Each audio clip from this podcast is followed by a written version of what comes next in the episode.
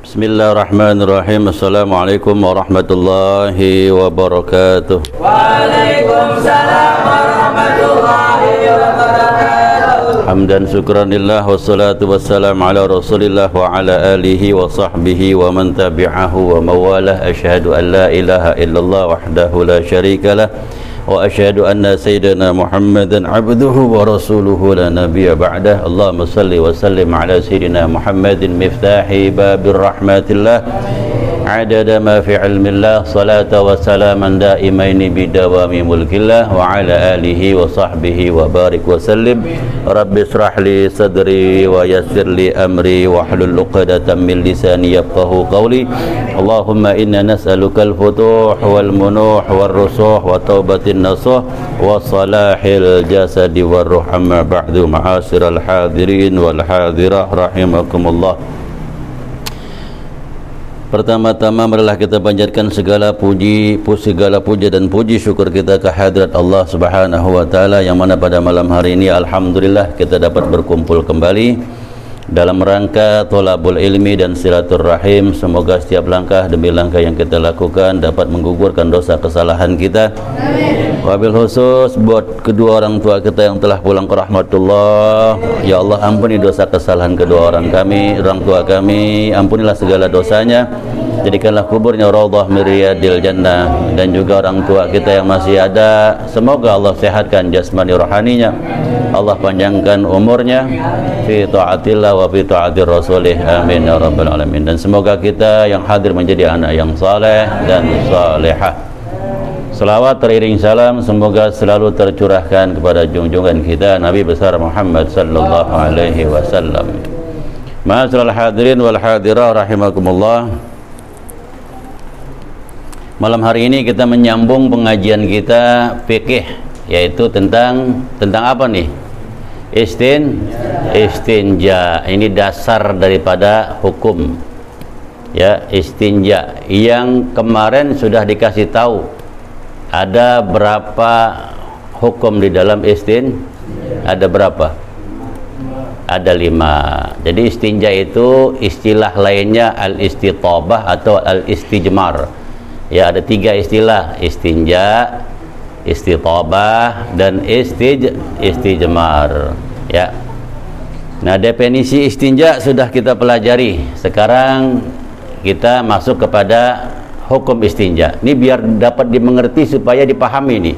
Jangan sampai enggak konsentrasi dalam belajar. Karena kalau nggak paham istinja kamu sholat di mana pun nggak akan diterima Allah Subhanahu wa taala. Kalau nggak paham istinja. Jadi saya minta jangan ada bercanda ya. Jadi betul-betul harus didengerin di istinja. Karena kalau istinja yang nggak paham nanti hampir rumah ya ngobok-ngobok air akhirnya yang pakai orang tuanya. Kalau nggak paham nanti jadi berantakan. Maka perhatiin dengan baik-baik. Jadi hukum istinja ada lima. Yang pertama wa wajib. Apabila yang keluar dari depan dan belakang itu jenisnya kotoran al mulawis maka hukumnya wajib beris beristinja. Udah tahu ya? Jadi yang keluar dari depan dan belakang kalau dia mengotori maka dia wajib istin istinja. Nah yang kedua hukum istinja sun sunnah Kenapa bisa dibilang sunnah apabila yang keluar dari kubul depan atau belakang dubur bukan sesuatu yang mengotori? Seperti yang pernah saya sampaikan minggu dua minggu yang lalu apabila orang toto ngeden toto keluar ba, batu. Apabila batunya itu tidak mengo, mengotori tidak kotor tidak ada unsur kotor maka dia tidak wajib istin istinja. Kecuali keluar batu dengan teman-temannya. Ya dengan berbagai aneka ragam yang keluar maka dia wajib istin istinja gitu. Yang ketiga hukum istinja adalah mubah. Mubah ini bagi siapa nih hukum istinja? Bagi maaf ini yang namanya pikih memang harus nanti jangan sampai dikira kok kotor ngomongnya kok jorok gitu. Karena memang pikih harus di secara spesifikasi harus dikasih penjelasan Nah yang ketiga ini mubah hukumnya bagi seseorang yang pantatnya gampang gerah. Ya, suka ngeliat ke orang kalau duduk tuh basah sini. celananya basah pas kelepangan pantat doang. Ada nggak? Kadang duburnya yang gerah. Keringetan baik itu dubur. Ya pernah nggak? Atau kita kalau duduk, duduk lamaan gerah tentu basah pantat kita. Keringetan lah pernah kan?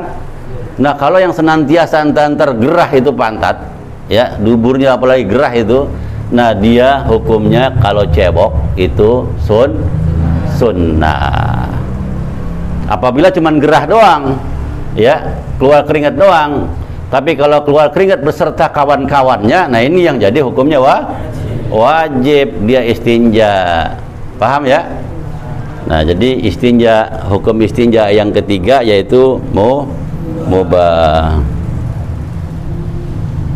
yang keempat hukum istinja makruh. Jadi yang pertama wajib. Dua sunnah. Ketiga mubah yang keempat makruh. Makruh bagi siapa? Orang yang maaf entah terkentut atau dia ce cebok. Eh dia kentut tuh, tuh ce cebok ini hukumnya makruh bahkan orang yang kalau kentut dia istinja itu dapat menyebabkan penyakit was was ada kan orang tantar ngapain was-was saja, was-was saja. Ragu-ragu. Kadang ada orang yang sholat, maaf, ya Allah nggak jadi lagi. Allah berkali-kali dia takbiratul ihramnya, ada nggak? Karena was-was. Nah, salah satu penyebab yang mewariskan was-was adalah orang yang kentut, tahu ntar dia istin, istinja, gitu. Maka kentut tuh nggak ada Eh, nggak wajib istinja, nggak sunnah beristinja dan juga nggak mubah. Malah dia menjadi mak makro Kecuali kentut bersama ampas, ampas, ampasnya itu beda lagi. Itu namanya cepi. Kan pasti pernah ngerasain, ya. Eh ini kentut apa nggak tahu-tahu cepi? Itu wajib dia istin, istinja Paham ya? Jadi kalau kentut cuman kentut aja dia makro kalau istinja. Kecuali kentutnya bersama rekan-rekannya. Yang kelima hukum istinja haram. Nah, hukum istinja haram ini terbagi dua.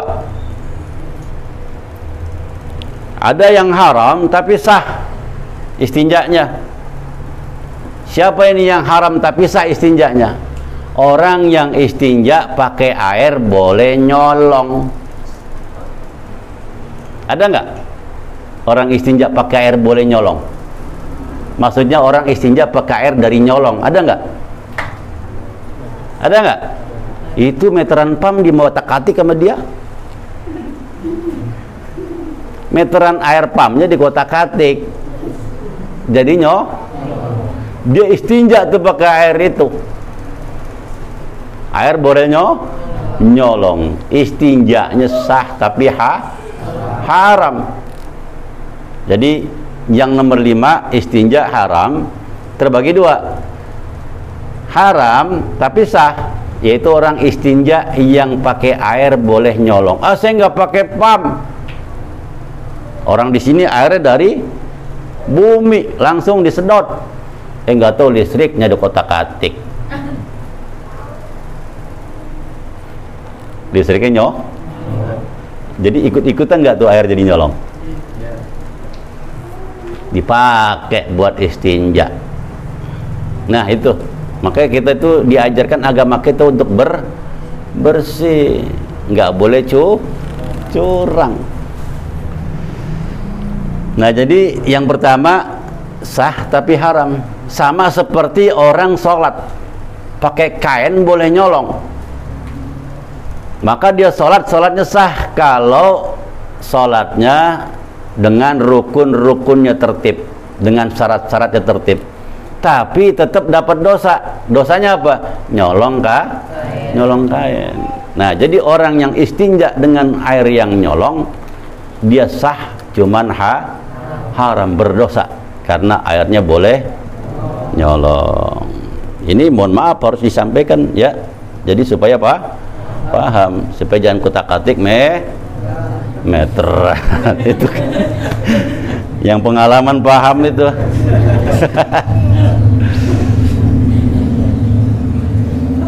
Yang kedua haram yang kedua ya. Dengerin nih. Haram yang pertama sah tapi ha haram. Nah yang haram yang kedua udah haram kagak sah udah kagak sah tapi ha juga haram. Yaitu dia istinja ya dengan sesuatu yang dimuliakan. Begitu dia mau istinja nggak ada air ada apel dibelah apel dia ceh. Atau pakai buah pir dia ceh. Nah itu sudah jelas haram ya tidak sah. Udah nggak sah juga haram. Karena pernah di saat Rasulullah mau buang hajat ya ini jenis-jenis barang yang dimuliakan nih nggak boleh dipakai. Seperti tadi itu udah haram nggak sah. Udah nggak sah ha? Haram. Jadi yang kelima ini istinja hukumnya ha? Haram. Terbagi dua haramnya. Yang ha, yang pertama sah. Tapi haram. Yang kedua haram tidak tidak sah. Karena apa? Memakai sesuatu barang yang dimuliakan. Tadi seperti apel atau buah pir atau yang lain-lainnya yang dimuliakan.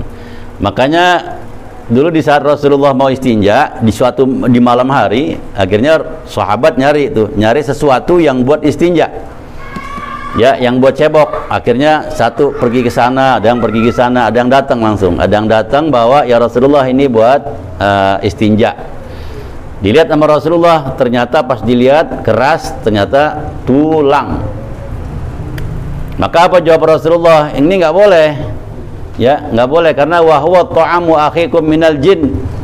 Karena ini makanan saudaramu dari bangsa jin. Tuh sampai makanan jin aja dimul dimuliakan. Nggak boleh pakai istin makanya nggak boleh istinja dengan bah dengan batu. Ini menandakan bahwa Rasulullah Nabi kita bukan hanya diutus buat manusia tapi juga buat kalangan jin.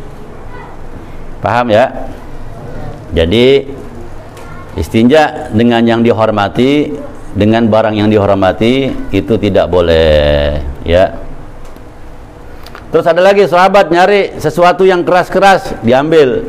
Ternyata pas dilihat udah jadi batu begitu dipegang eh ee-nya on ee-nya onta ini pun juga nggak boleh istinja dengan barang yang na yang najis tidak boleh nah jadi istinja nggak boleh pakai barang-barang yang dihormati jadi haram nah itulah definisi tadi ya udah hukum istinja Definisi sudah kita pelajari, hukum istinja juga sudah kita pelajari, ya sudah kita bahas. Selanjutnya istinja dengan batu. Ya, al-istijmar. Jadi istijmar ini istinja dengan batu. Harus kita pahamin batu ini ada dua. Batu secara hajarul adi bentuk asli ini batu koral tuh itu namanya hajarul adi. Ada batu hajarul syar'i batu dari jenis yang disyariatkan. Jadi dua nih yang boleh pakai istinja batu hajarul adi dan batu ya hajarul sar yang dinilai ditinjau dari syariat. Nah, dua hal ini yang boleh dipakai buat istinja. Ini yang dikatakan dikatakan hajarus hajarus syar'i ini apa sih? Gitu ya. Syaratnya apa? Syaratnya kullu jamidin, benda padat. Kedua, tahirin, suci. Yang ketiga, qali'in, dapat mencabut mengangkat kotoran. Yang keempat ghairu muhtaramin bukan sesuatu yang dihormati. Nah jadi ini batu yang secara syar'i ini empat nih syaratnya. Jamidin benda padat kesat. Tahirin suci. Qaliin dapat mencabut mengangkat kotoran yang keempat ghairu muhtaramin bukan sesuatu yang dimuliakan. Itu syarat batu. Jadi disebut batu secara syar'i jadi syaratnya em, empat. Jamidin benda padat. Seperti apa? Tisu. Ya. Orang kalau nggak ada air cebok pakai tisu boh boleh. Tapi jangan cuma satu syarat harus ada empat. Selain dia benda padat dia juga harus tahirin. Su suci. Juga harus qaliin. Dapat mencabut yaitu yang kesat. Nggak boleh pakai yang licin. Sumpama nggak ada tisu. Eh dia mau buang air kecil dia mau cebok. Ada uh, daun yang kering. Boleh tuh. Tapi kalau daun yang masih basah nggak boleh karena li licin. Apalagi daun yang masih ada duri-durinya buat cebok. Kejang bisa dia. Nah jadi yang sudah kering yang yang licin nggak boleh. Begitu juga cebok pakai tisu basah. Ini nggak boleh. Ya. Ada orang buang air kecil cebok pakai tisu basah. Atau buang air besar cebok pakai tisu basah. Nggak boleh. Kecuali finishing. Atau finishing nggak? Udah beres semuanya dilap sama tisu bah biar wangi. Itu nggak apa-apa tapi kalau awal belum ngapa-ngapain udah dilap sama tisu basah akhirnya melebarkan najis ke mana ma? Ke mana-mana tuh. Jadi ngelebarin najisnya. Jadi tidak boleh gitu ya kecuali finishing. Tinggal ngalusin lagi kata Oji. Ya nah, tinggal ngalusin lagi boleh tuh pakai tisu bah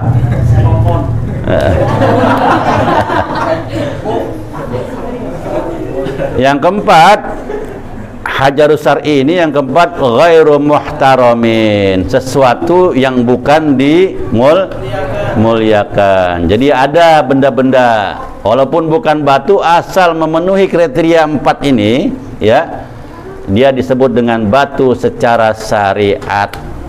Jadi ingat ya istinja dengan batu ada dua jenis batu. Batu yang hajarul adi batu yang asli batu gitu ya ada batu yang secara syari syariat pengganti batu tadi. Pakai kain tisu gitu ya. Nah itu pengganti batu asli. Cuman empat tadi syaratnya harus jamidin benda padat. Nggak boleh benda cair. Harus tahirin suci ya. Harus qaliin dapat mengangkat najisnya.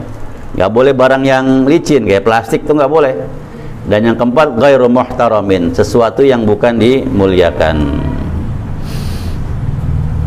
paham nah selanjutnya istinja ada tingkatan-tingkatannya namanya maratibul istinja Tingkatan pertama istinja dengan batu dan air.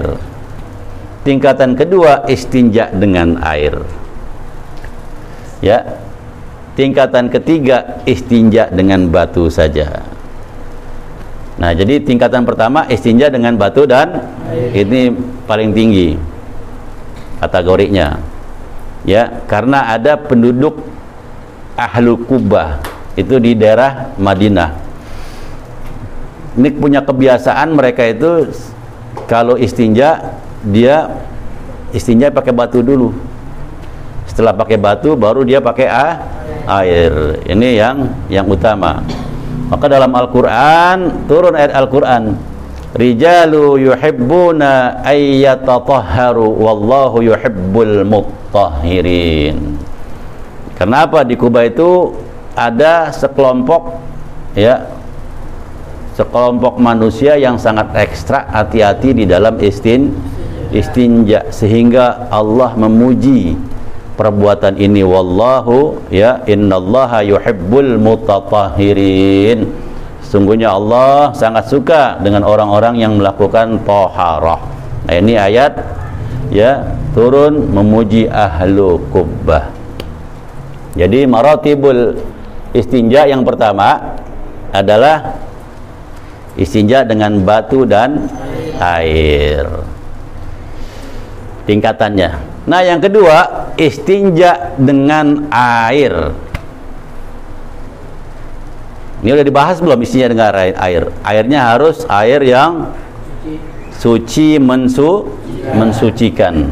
Nanti dibahas kalau kita belajar tentang air. Sekarang tingkatannya dulu. Nah, yang pertama istinja dengan batu dan air, yang kedua istinja dengan air, air saja, yang ketiga istinja dengan batu saja. Nanti akan terjadi kalau kita pergi ke mana-mana, gunung atau ke mana yang suka ke gunung ada kan? Nah begitu itu jauh dari sungai jauh dari kamar mandi kagak ada. Kebelet buang air. Itu istinjanya ini berlaku. Berlaku nggak? Berlaku. Nah ini makanya pentingnya pelajaran. Nah jadi istinja pakai batu. Nah ini kita dipahami nih. Baik batu yang adi ataupun yang yang syar'i. Sudah paham kan? Yang adi dan yang syar'i sudah paham? Nah, kalau sudah paham, seumpama jadi alternatif dia. Alternatif dia buang air kecil. Ya. Pakai batu yang adi atau pakai batu yang syar'i. Ini maaf yang udah berumah tangga harus dikasih tahu. Kadang-kadang yang namanya orang buang air kecil kan kadang-kadang nggak ada air langsung dilap sama tisu. Bukan airnya nggak ada. Karena kadang-kadang di kamar mandi itu rusak alatnya. Akhirnya kita cebok pakai ti ini bagi yang sudah nikah maaf ya nih ada anak kecil lagi ya. Tapi perlu dikasih tahu. Dia kepengen hubungan sama istrinya maka nggak boleh sebelum dia bilasin dulu. Dengan ah air. Kecuali memang nggak ada bat air sama sekali. Eh dia ada kepengen. Boleh. Paham gak sih? Ini bengong-bengong paham bengong bingung ini? Bengong paham. Paham. Ah, ah gelap. Ya? jadi harus dipahami. Kadang-kadang di kantor seperti itu kan atau di mana-mana gitu atau buru-buru. Akhirnya dia istinja sama tisu bukan air nggak ada. Air ada. Eh dia pulang kepengen sama is. Itu nggak boleh sebelum dibilas. Kecuali memang nggak punya air sama sekali memang air nggak ada. Paham ya? Ya. Ini kata siapa? Kata Imam Ibnu Hajar jadi kalau memang dia ceboknya pakai batu, istinja pakai batu, ya, atau pakai tisu yang ha, batu yang secara syar'i, eh air nggak ada sama sekali, ya dia ada ada hasrat kepengen, itu dimaaf. Tapi kalau masih ada air, dia harus bilas dulu. Perlu disampaikan kan ini? Nah, ini ilmu kan kadang nggak paham supaya dapat ngerti jadi kita.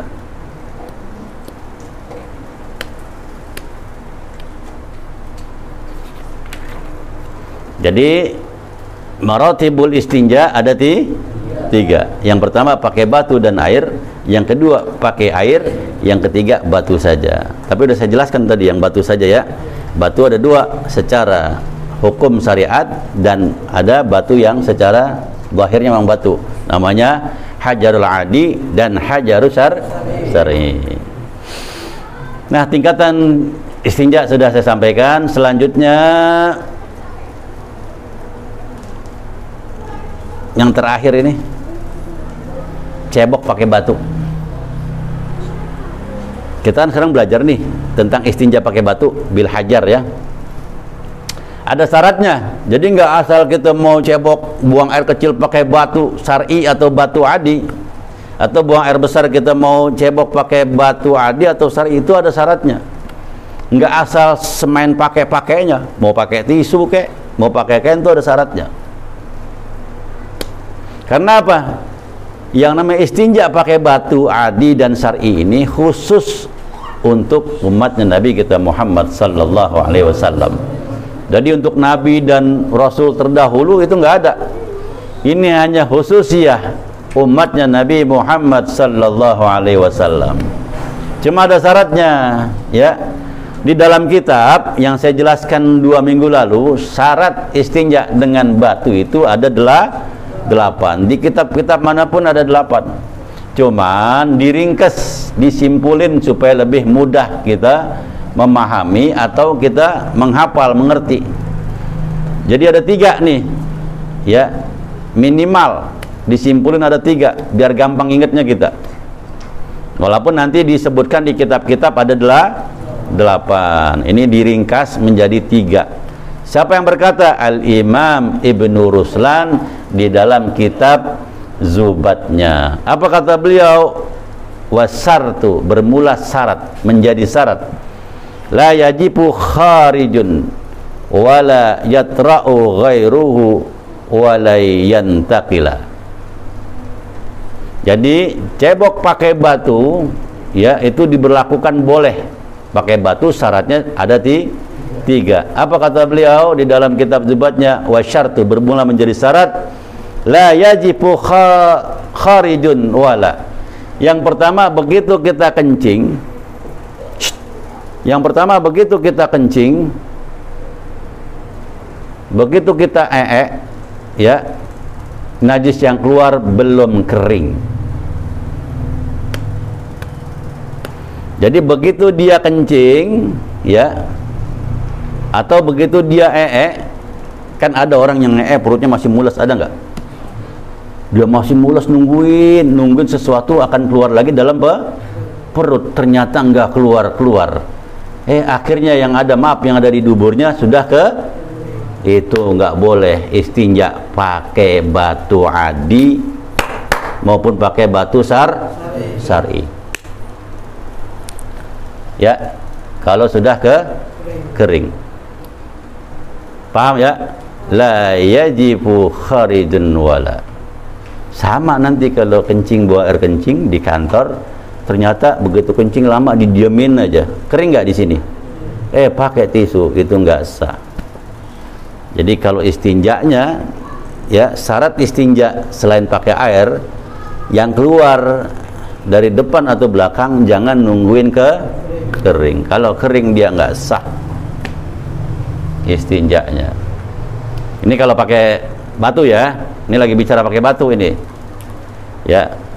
La yajibu kharijun wala. Yang pertama begitu kita kencing atau eh najis yang keluar belum kering. Masih boleh itu lang boleh itu kalau belum kering. Istinja pakai batu. Eh dia kencing atau dia eh lah. Dia masih mules saja nungguin sesuatu yang masih keluar lagi ternyata sudah ke kering udah di di tempat pembuangannya udah kering nah maka tidak boleh cebok pakai batu. Baik batu adi maupun batu syar syar'i. Kenapa? Karena najisnya sudah kering. Kalau kering sudah tidak bisa keangkat. Ya paham ya? Itu jadi syarat orang boleh pakai batu. Baik adi maupun syar'i. Yang kedua, yatra'u ghairuhu. Enggak boleh pakai batu adi atau syarat atau syar'i. Yatra'u ghairuhu, datang najis yang lainnya. Cumpama begitu dia kencing, kencing bukan kencing aja yang keluar. Ada darahnya. Jadi kencing, betul ada dah baik laki maupun perempuan dia kencing ada darahnya maka ini nggak bisa istinja pakai batu adi maupun sar syar'i ya. Dia laki-laki ini dia kencing atau kencingnya bersamaan dengan da, darah. Atau kencingnya bersamaan keluar dengan nah, nanah.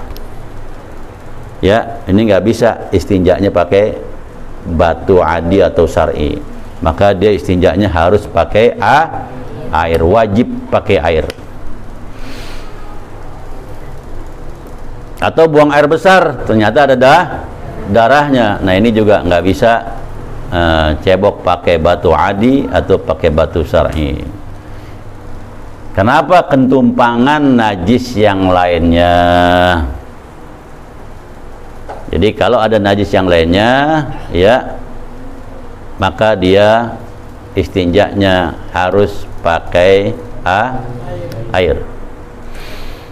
Yang ketiga walan yantakila. Jadi yang pertama apa? Yang pertama la yajibu. Jadi jangan sampai nungguin ke kering. Yang kedua tidak ikut serta najis yang lain. Yang ketiga walan yantakila. Bahwa najisnya itu tidak pindah dari tempatnya, baik dari dubur maupun ku, kubul. Sumpama maaf ya, begitu dia buang air, ternyata ee-nya men mencret. Berarti ke mana-mana dong. Nah ke mana-mana itu. Maka yang model begini ya yang model maaf mencret begini tidak boleh cebok pakai batu. Baik adi maupun syari mesti pakai a, air. Kenapa? Karena AE-nya sudah offset. Uh, udah keluar offset keluar garis. Gitu ya. Ini maaf nih saya kasih jelasin. Ini maaf sumpah ini dubur. Uh, dubur. Ini udah ke mana-mana gitu. Nah itu udah nggak bisa pakai batu. Jadi kalau masih tetap ada di sininya itu boh boleh. Kalau mencret dia ke mana-mana. Maka dia nggak boleh pakai batu adi atau sar'i. Kalau masih dia di geografisnya atau geografis nggak? Berada di tempatnya nah, perputaran pada porosnya masih ada di situ nah itu boleh pakai batu adi atau sar sar'i gitu. Sumpama begitu dia buang air kencing buang air kecil eh air kecilnya nyiprat ke kaki. Nggak perlu kakinya digosok sama batu. Istinja. Istinja gosok kaki pakai bah lejangan. Udah itu nggak kena udah. Karena buang air kecilnya atau buang air besarnya sudah melewati bah batasnya hasafah gitu. Jadi sumpama ini buang air kecil. Ini udah ngelewatin tudung palanya. Udah ke mana-mana. Nah itu udah nggak boleh lagi pakai batu sari atau adi. Kalau masih ada di ujung senapannya aja nah itu masih boleh pakai tisu. Boleh pakai batu syarat atau adi.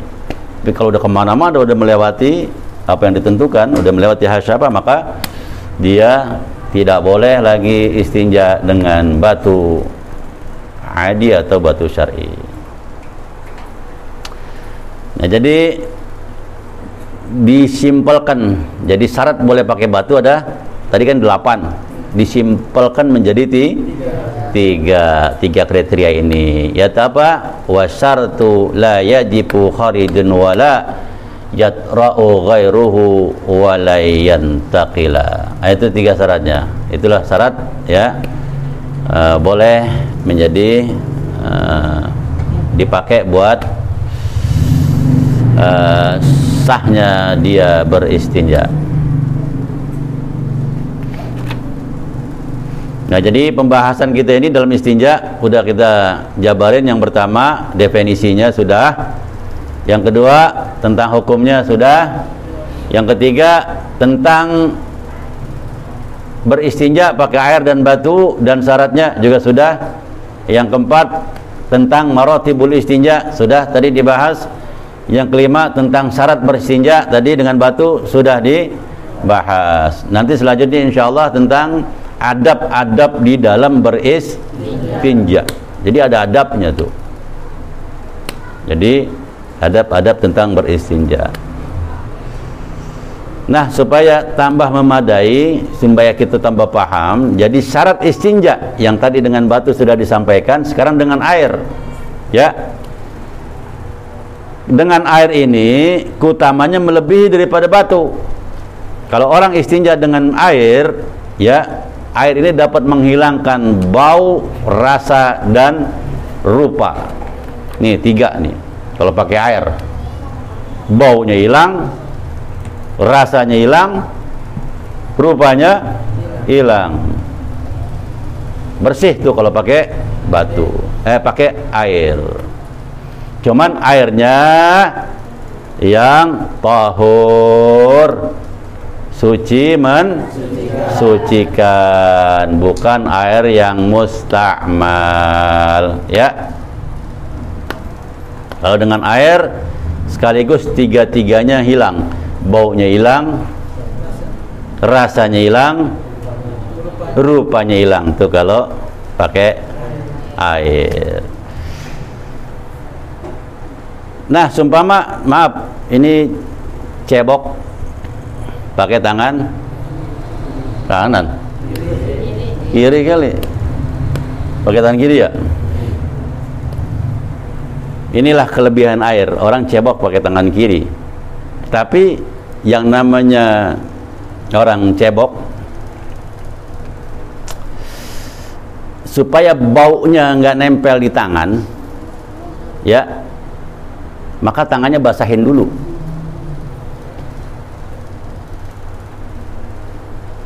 Tangannya basahin dulu. Jangan main cebok aja. Jangan tangan kita kering tahu-tahu nyentuh kok kotoran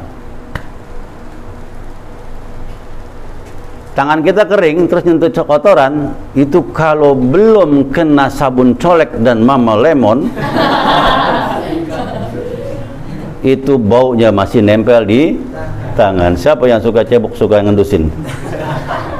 Maka jangan kebiasaan kalau orang cebok di ci, cium.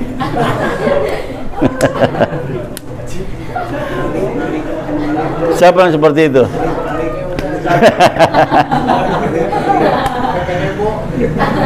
nah makanya basahin dulu tangannya. Sebelum ce cebok basahin dulu.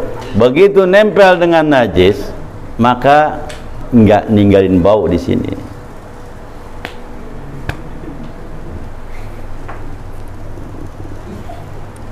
Jadi secara otomatis kalau orang cebok tangannya dibasahin dulu ya. Tangannya nggak bakal bah bau. Tapi kalau kering-kering tangannya langsung nyenggol kotoran. Ini kalau belum kena sabun colek dan sabun cair ini baunya belum mau i iya.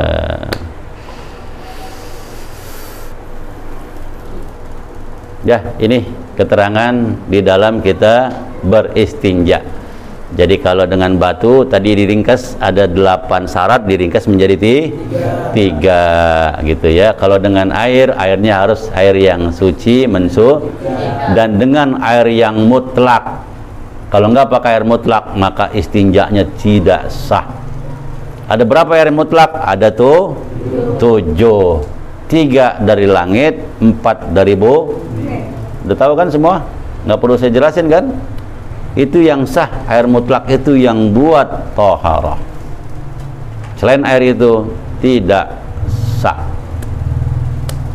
Paham? Tapi dari wajahnya wajah bingung ini mah.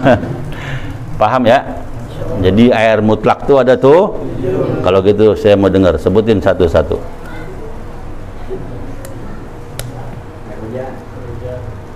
Betul. Terus? Dua. Tiga. Empat.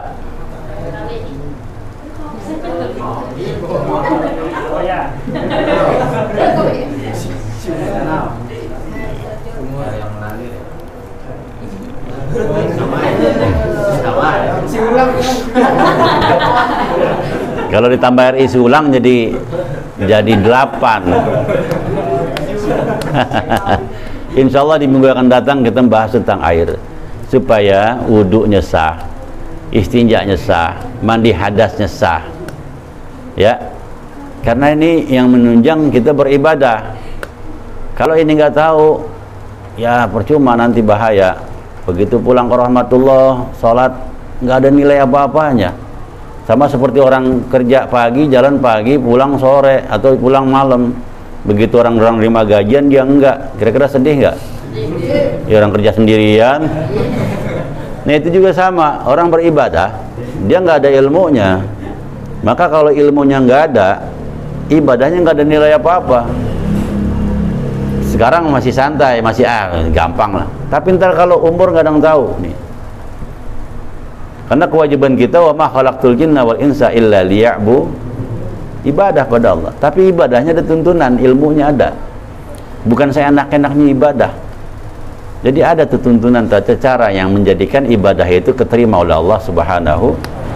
Nah, pelajarin dari dasar ini, yaitu istinja. Habis istinja pasti ada yang pakai batu, ada yang pakai air. Dan kita harus tahu jenis batunya bagaimana. Ada dua, ada batu hajarul adi, ada batu hajarul sar'i. Itu harus tahu. Dan air pun kita harus pelajari. Batu udah saya jelaskan nih, udah ya. Tinggal air, insya Allah minggu akan datang dijelaskan air. Air ada tujuh, air yang mutlak itu yang sah, yang boleh kita pakai untuk bersuci, ambil wudhu, mandi hadas. Selain air yang tujuh ini, air yang mutlak ini nggak sah,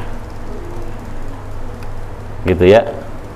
Pokoknya air mutlak itu cirinya kalau dibawa ke mana udah hilang nama asalnya. Cuma air sumur, begitu kita pindahin ke tempayan ya akan dibilang air sumur lagi atau enggak? Udah nggak ke bawah jadilah air tem tempayan. Padahal dari itu itu air mutlak. Nama aslinya nggak ke bawah gitu. Ya. Nah kita bikin kopi. Dimasukin di botol. Mau botol plastik kek. Botol yang beling kek kita bawa ke mana-mana disebut air apa bawa lagi nyebrang laut disebut air apa itu. Air kopi nggak berubah namanya. Nah kalau nggak berubah namanya itu bukan air mutlak namanya. Kalau air mutlak begitu dipindahin dari tempatnya maka dia akan berubah namanya. Air sirup bikin wah begitu bikin masukin termos. Masukin lagi termos lagi botol begini. Ditanya ini air apa? Air sirup biar dipindahin ke ember tetap ditanya air apa ini? Air sirup. Jadi nggak berubah namanya ta? tetap tapi kalau air mutlak mau dipindahin ke mana pasti berubah. Nah itu yang berubah namanya itu air mutlak. Paham ya? Insya Allah di minggu yang akan dah istinja udah paham semua. Definisinya sudah ya. Hukum istinja juga udah. Syarat istinja pakai apa aja udah. Maratibul istinja ya sudah ya nah, udah diajarin istilahnya udah disampaikan ya begitu disampaikan maka kewajiban saya sudah putus di hadapan Allah Subhanahu wa taala. Apabila Anda beribadah tidak sah, sudah bukan lagi tanggungan saya. Apabila istinjanya tidak sah, bukan lagi tanggungan saya. Saya sudah sampaikan caranya. Kecuali yang dengerinnya sambil ngan ngantuk atau yang dengerinnya nggak fokus, dia yang salah sendiri. Ya. Udah paham ya? Istinja dengan batu sudah disampaikan istinja dengan air sudah disampaikan syarat-syaratnya pakai batu bagaimana syarat-syarat pakai air juga udah disampaikan. Jadi udah putus. Cuman cara istinja pakai batu dah. Ini maaf ini lubangnya pakai batu minimal di tiga. Maksimal itu ganjil. Lima boleh tujuh boleh. Nah ini pakai batu sempama kita nggak ada air. Ini harus dipraktekin supaya ngerti ini lubangnya. Ya begitu belum kering kita mau istinja. Karena nggak ada air sumpah nih nggak ada air. Ini pertama ini lubang ditarik dulu kemari. Ke bawah ini kena yang ini. Tuh. Dua. Tuh ya. Terus batu lagi ambil lagi sama. Satu dua. Nah yang ketiga finishing muter. Kemari. Baik lagi kemari. Nah. Paham? Pakai tisu pun sama. Ini buang air kecil karena nggak ada air mendadak sebelum kering ini oles kemari uh, gitu. Ke atas uh, tiganya putar ke sini kemari. Paham? Iya. Ujungnya aja jangan semua muanya dilap. Ininya aja. Ya. Yang keluar kan ini ininya aja. Oleh satu ke bawah. Nah. Lagi bawah. Nah jangan di, dilewatin hasapahnya maka ntar najisnya ke mana-mana. Paham ya? Nah di itu kemari satu dek. kemari dek. duanya tiganya dioles putar. Balik lagi. Nah kalau yang tadi pakai batu buang air besar tiga dia merasa belum bersih. Tambahin lagi dua. Jadi li? Wah, kata lagi nah yang lima itu penutup. Harus gan sunnahnya ganjil syarat pakai batu adi dan syar'i yang pertama jangan nungguin ke kering inget tuh. Yang kedua nggak ada najis yang ng ngikut. Jadi cuman kencing-kencing aja. Buang air besar buang air besar aja. Nggak ada ngikut yang lainnya. Yang ketiganya?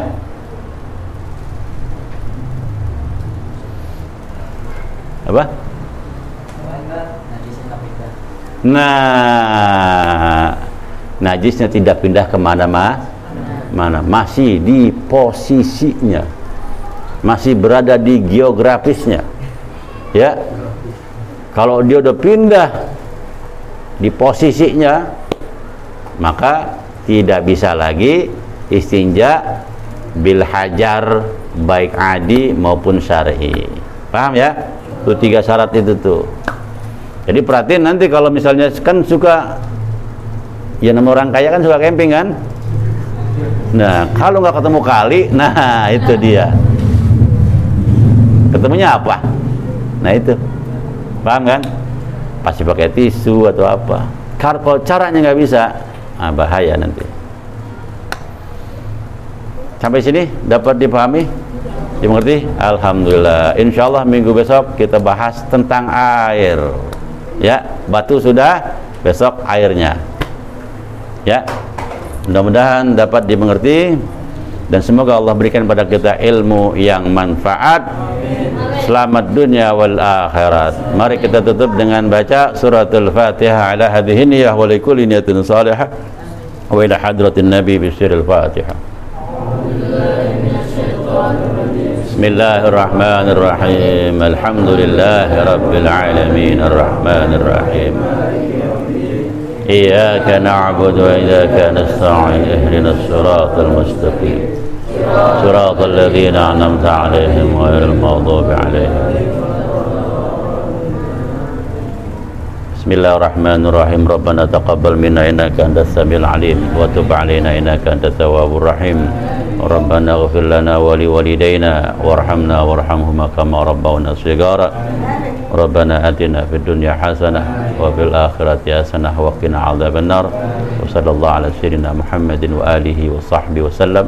والحمد لله رب العالمين. سبحانك اللهم وبحمدك أشهد أن لا إله إلا أنت أستغفرك هدانا الله وإياكم أجمعين ثم السلام عليكم ورحمة الله وبركاته.